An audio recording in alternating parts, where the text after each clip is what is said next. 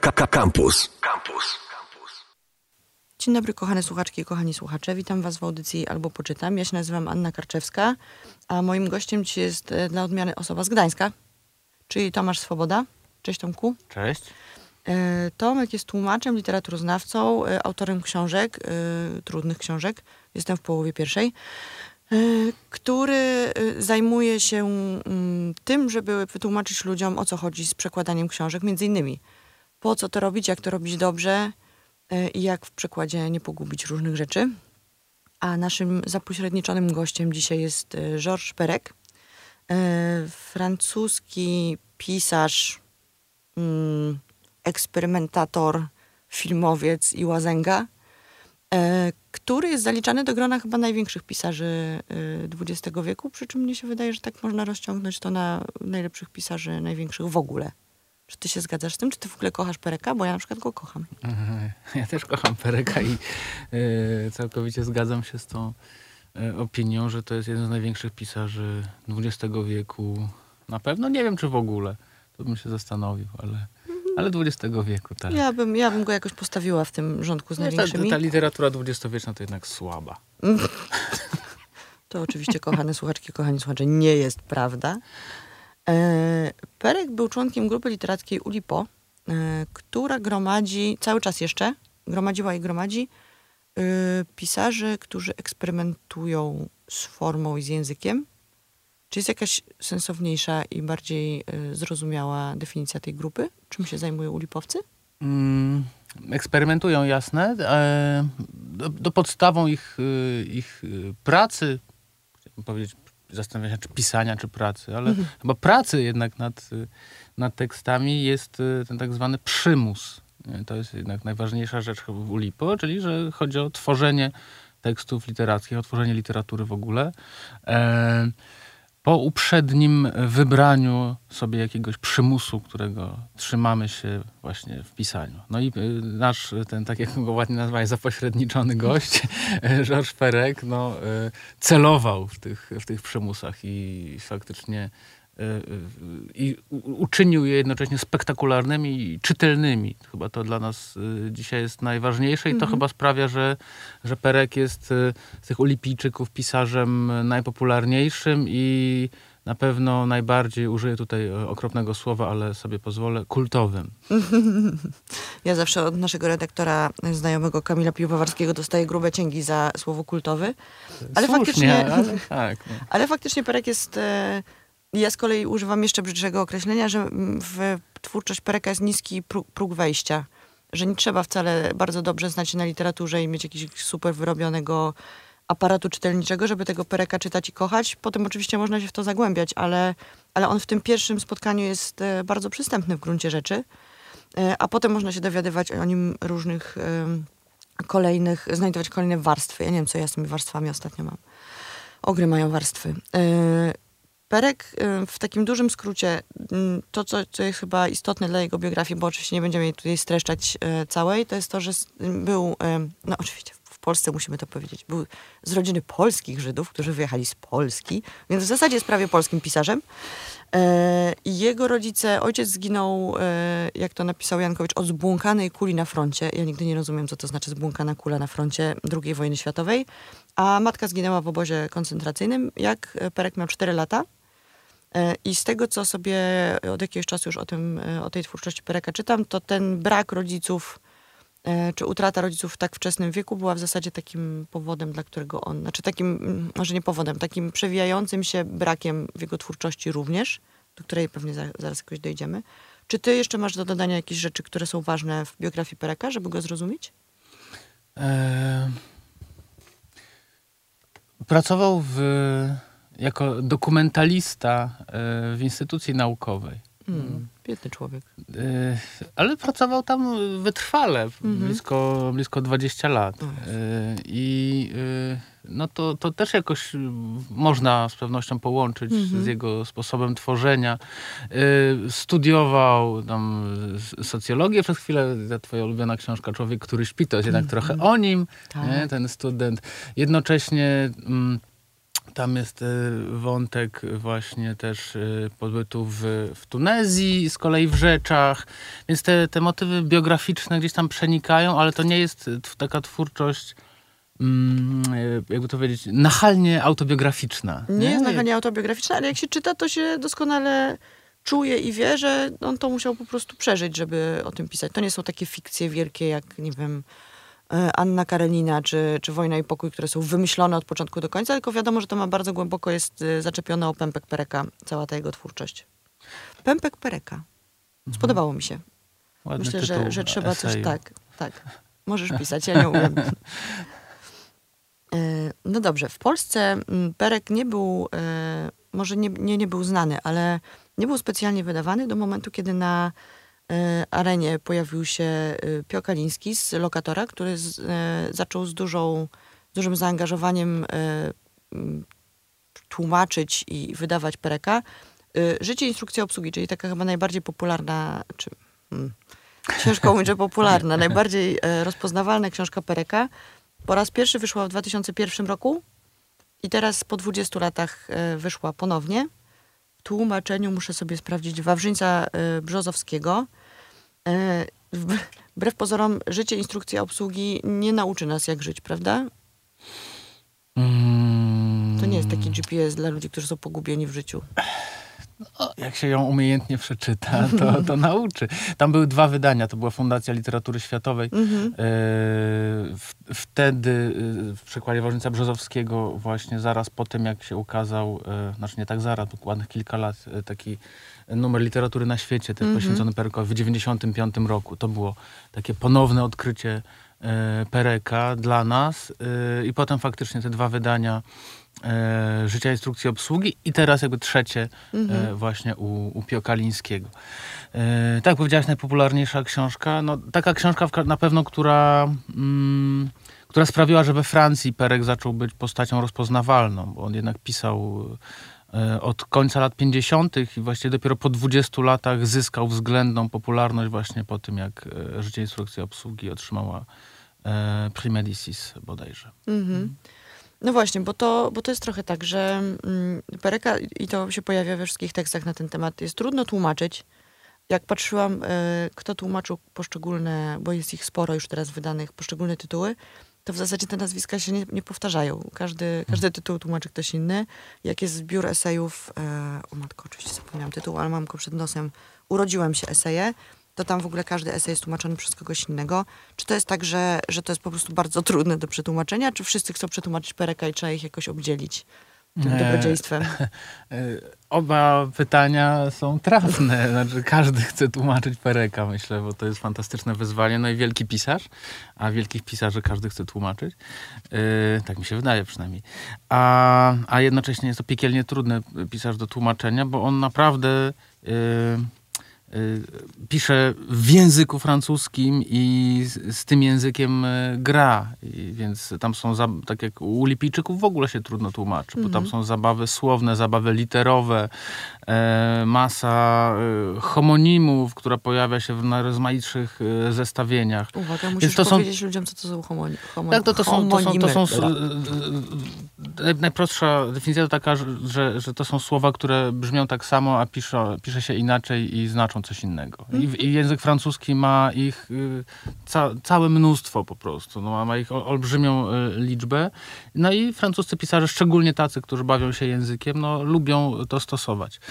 Y, No co od razu sprawia, że to, to są takie teksty, które dawniej za, za, zaliczało się do grona nieprzekładalnych, ale oczywiście dzisiaj mówimy, że nie ma rzeczy nieprzekładalnych, ale to są trud, z trudem przekładalne teksty, więc y, chylę czoła przed wszystkimi tłumaczami, którzy wzięli się za pereka i sobie z nim poradzili.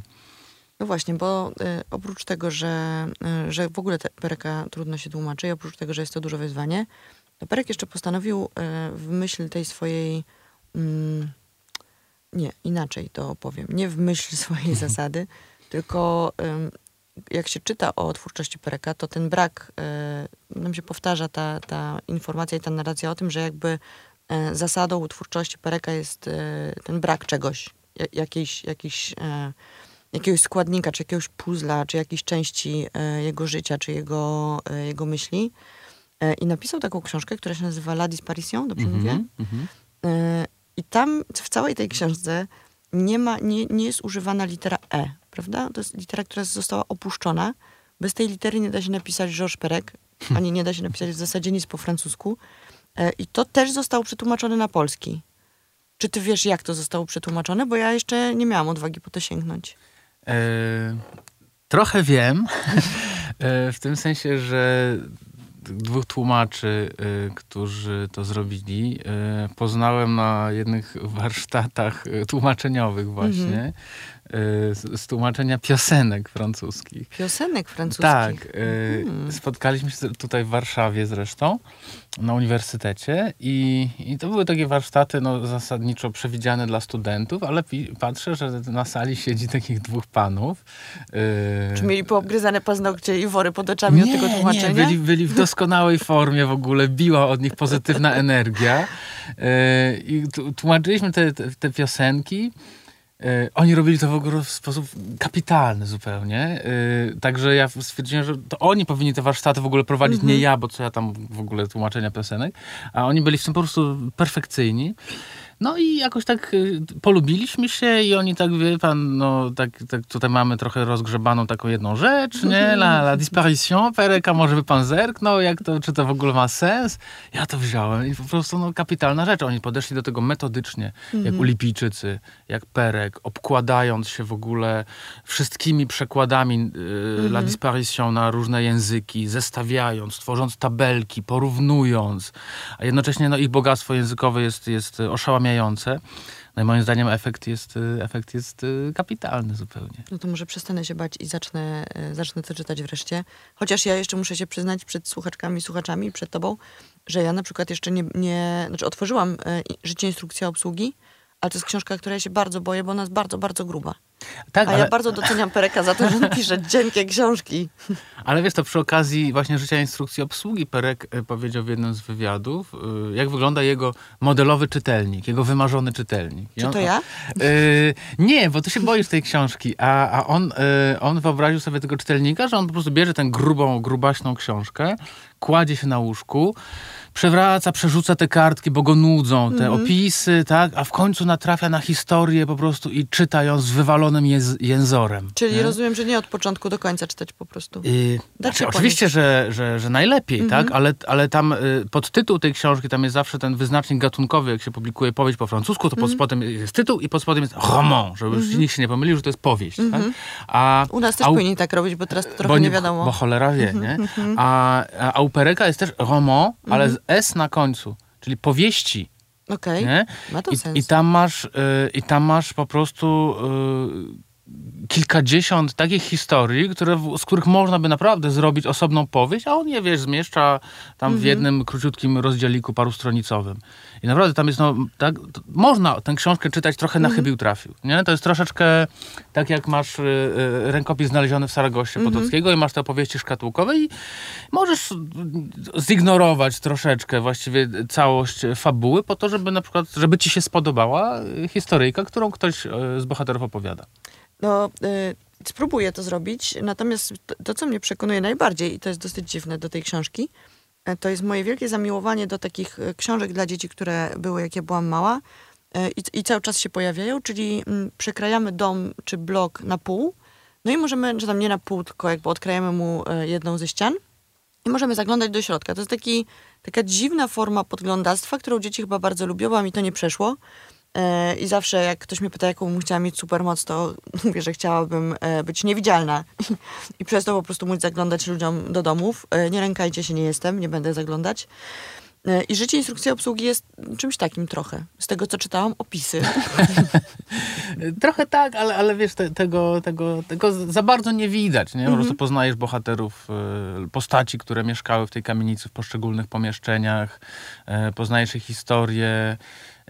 No plus tam jest jednak y, taka główna, główna kanwa, główny wątek y, związany z trójką, z trójką bohaterów, y, z historią malowania, akwareli, pejzaży morskich.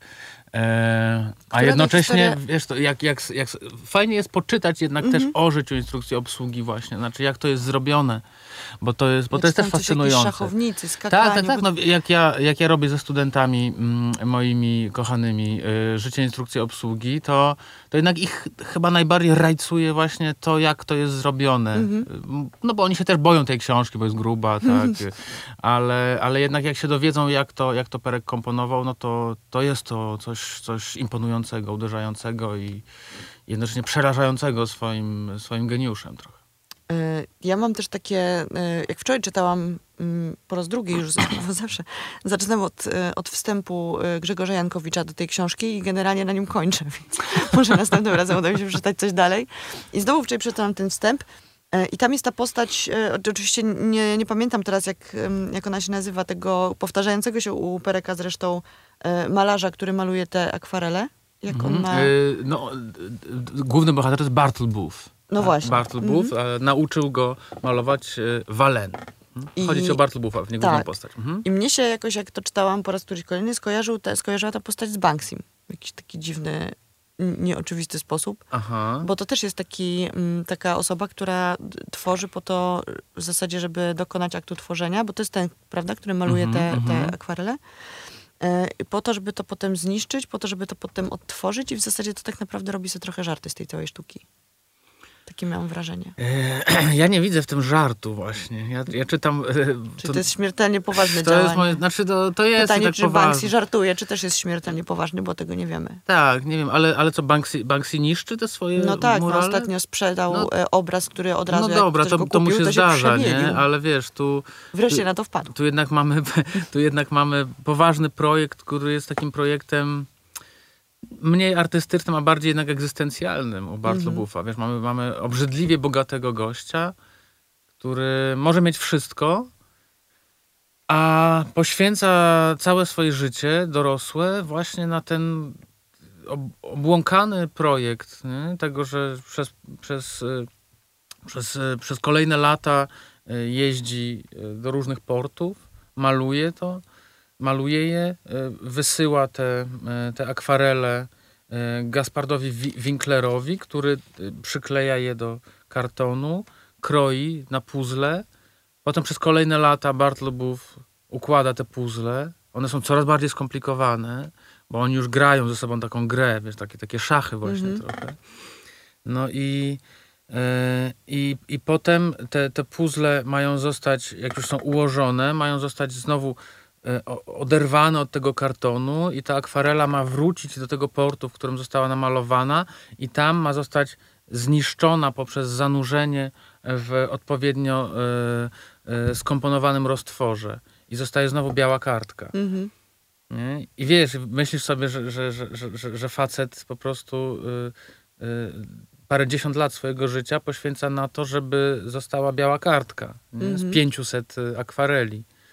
Y, no, no to to jest właśnie, wiesz, to jest taki, to jest w ogóle y, perek, nie? Masz, masz takich pisarzy, którzy są tak znowu użyję tego słowa, nachalnie melancholijni, czy też Mhm. nachalnie pesymistyczni, ich czytasz i wiesz, tniesz sobie te żyły po prostu na każdej stronie, a czytasz Pereka i śmiejesz się w, w, w głos po prostu, bo to jest śmieszne. To jest naprawdę są śmieszne historie. No a przy, kończysz i wtedy dopiero, wiesz, się Mhm. ciachasz, nie? Bo mówisz, kurczę, No ja nie wiem, e, ja, moją ulubioną książką Pereka, zaraz cię spytam o twoją ulubioną książkę Pereka, ale jak już wy, wywołałeś melancholię, to nie mogę o tym nie powiedzieć. Człowiek, który śpi, to jest, e, to jest zapis w zasadzie, moim zdaniem to jest taki zapis klinicznej depresji, która dopada głównego bohatera, e, narratora i zarazem prawdopodobnie też Pereka.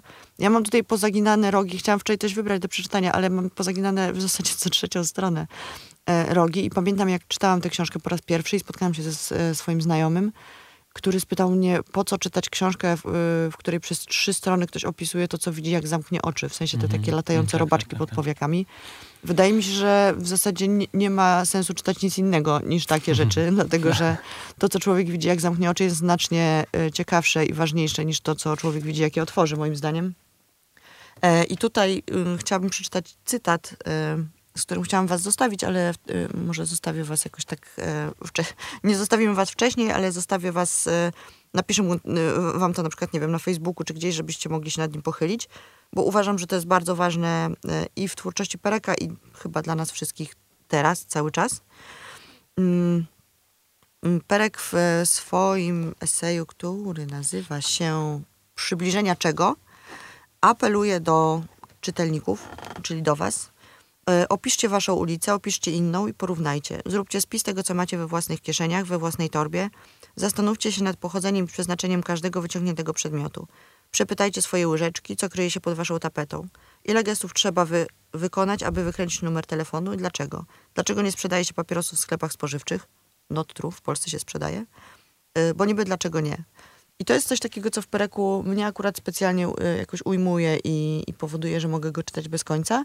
Czyli to takie wspaniałe pochylenie się nad tym, nad takimi bardzo małymi rzeczami w życiu, ale to nie jest takie jak Paulo Coelho, że stań i rozejrzyj się, spójrz jak wygląda twoje życie i zerwij kwiatek i go wąchaj.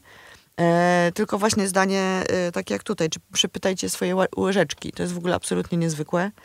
E, I wydaje mi się, że, że dla nas wszystkich e, i dla was, czytelniczki i czytelnicy, w tym momencie, w którym jesteśmy, bardzo ważne by było e, przepytanie swoich łyżeczek i rozejrzenie się dookoła siebie i poświęcenie uwagi jednak mimo wszystko temu, co mamy bardzo blisko siebie, a może trochę odpuszczenie tych wszystkich rzeczy, które dzieją się dookoła, przynajmniej na czas wiosny, żebyśmy mogli odpocząć przed nadchodzącą jesienią. A powiedz mi, jaka jest, e, która jest, bo każdy ma, tak jak Sebalda, każdy ma swojego ulubionego. To się oczywiście zmienia z czasem e, i y, czasami wracamy do tych książek, czasami nie. Który jest twój ulubiony perek? Bo jestem przekonana, że z perekiem jest tak samo. O, to jednak życie instrukcja obsługi. Jednak, Tak. czyli taki maksymalizm, tak myślałam. Tak, tak, tak. A to, co, to, co y, to zacytowałaś zresztą jest bardzo a propos tego, co się w tej chwili dzieje wokół Pereka, bo mamy 40. rocznicę jego śmierci. On, on zmarł, jak był dokładnie w moim wieku. No, przykro mi. e, Ale tak. on dużo palił. Ty nie palisz. No ja nie palę. Myślisz, że to ma znaczenie? Mhm. Dobra. Nie, myślę, że żadnego. Mniejsza o to. W każdym razie pocieszyć. e, wydawnictwo Sej wydało e, teraz e, e, e, książkę e, Pereka nową, Mhm. takiej, której nikt jeszcze nie widział i nie czytał, e, zatytułowaną Lieu, czyli miejsca. To też jeden z projektów perekowskich. On e, postanowił, że przez... Wybrał sobie 12 miejsc e, ważnych dla niego Mhm. e, i postanowił, że przez 10 lat e, będzie do nich chodził, zapisywał to, co tam się dzieje, to, co widzi, tak jak ty zacytowałaś właśnie.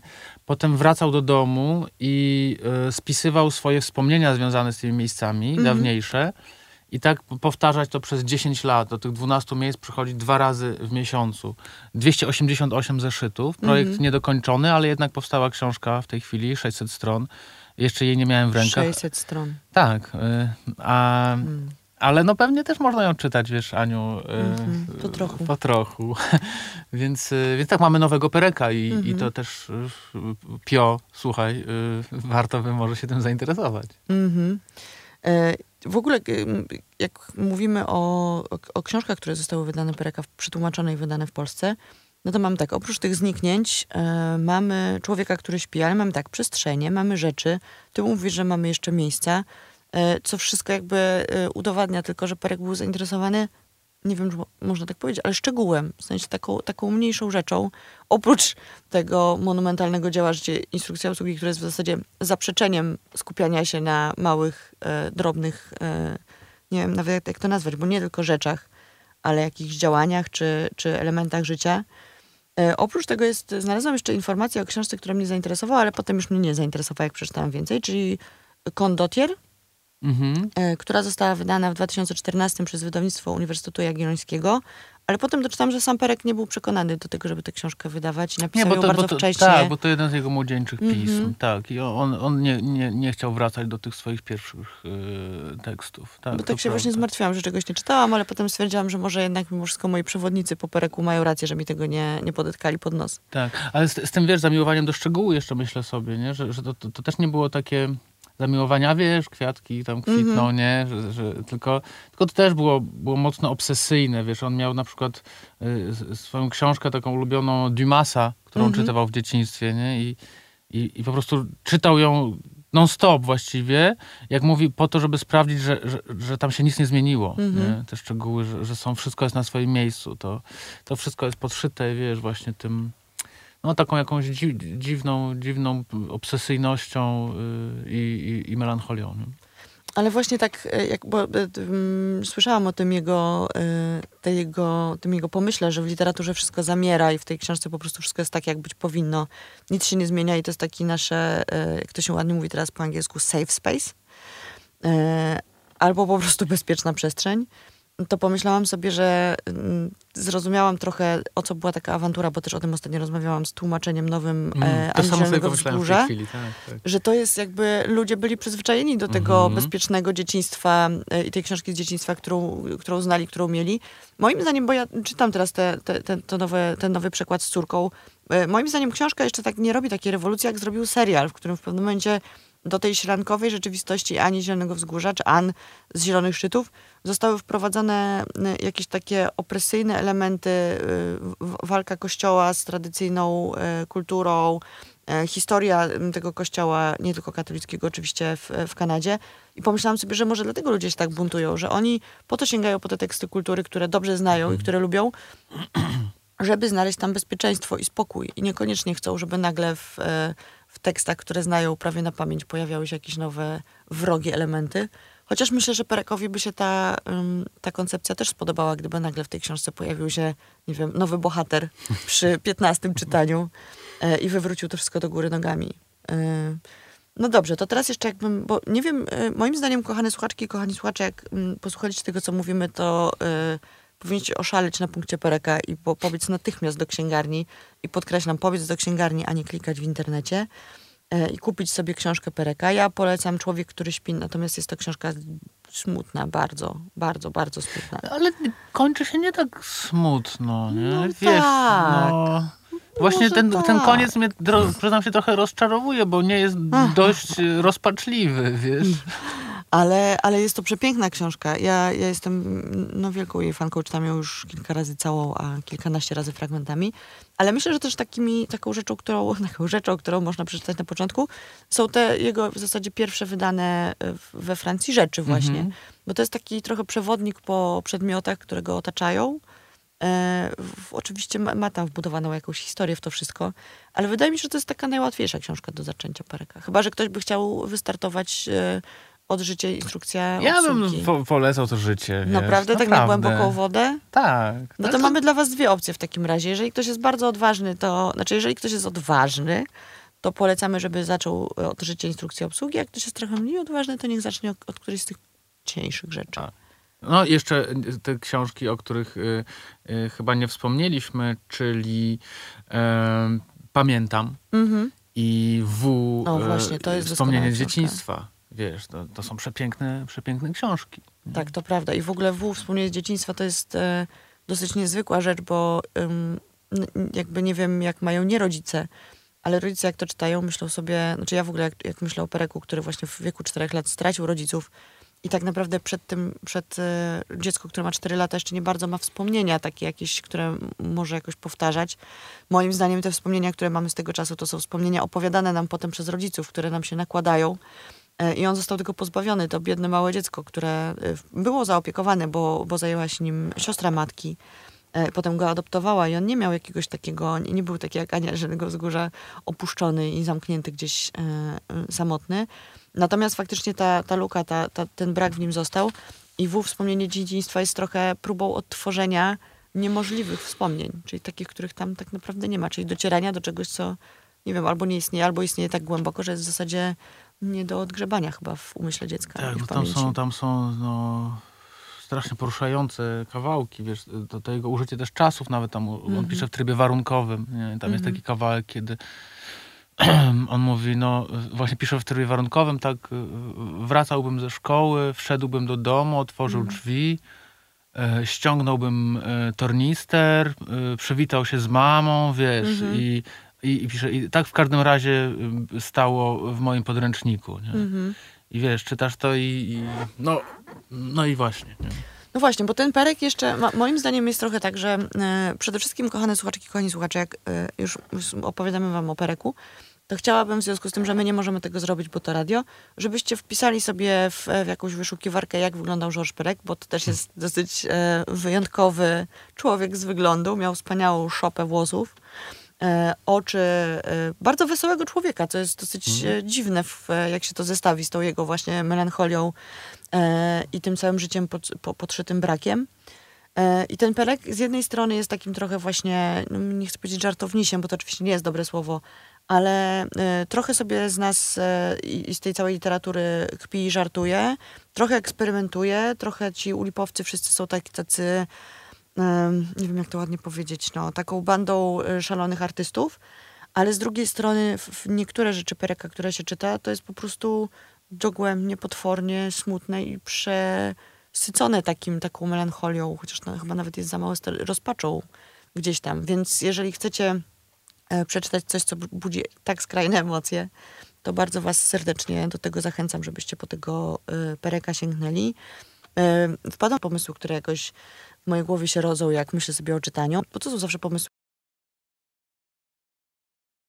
które jakoś w mojej głowie się rodzą, jak myślę sobie o czytaniu.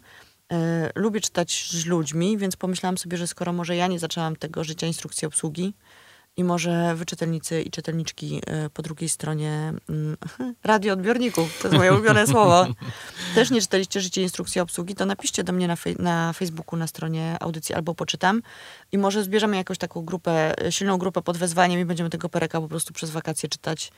E, oczywiście dowolnie, można po kawałku, można e, skacząc, można e, od deski do deski, a można po prostu bez ustanku czytać e, wstęp Grzegorza Jankowicza, którego serdecznie pozdrawiam i bać się zajrzeć dalej. E, także jeżeli ktoś jest chętny na, na wspólne czytanie ze mną, to bardzo serdecznie zapraszam.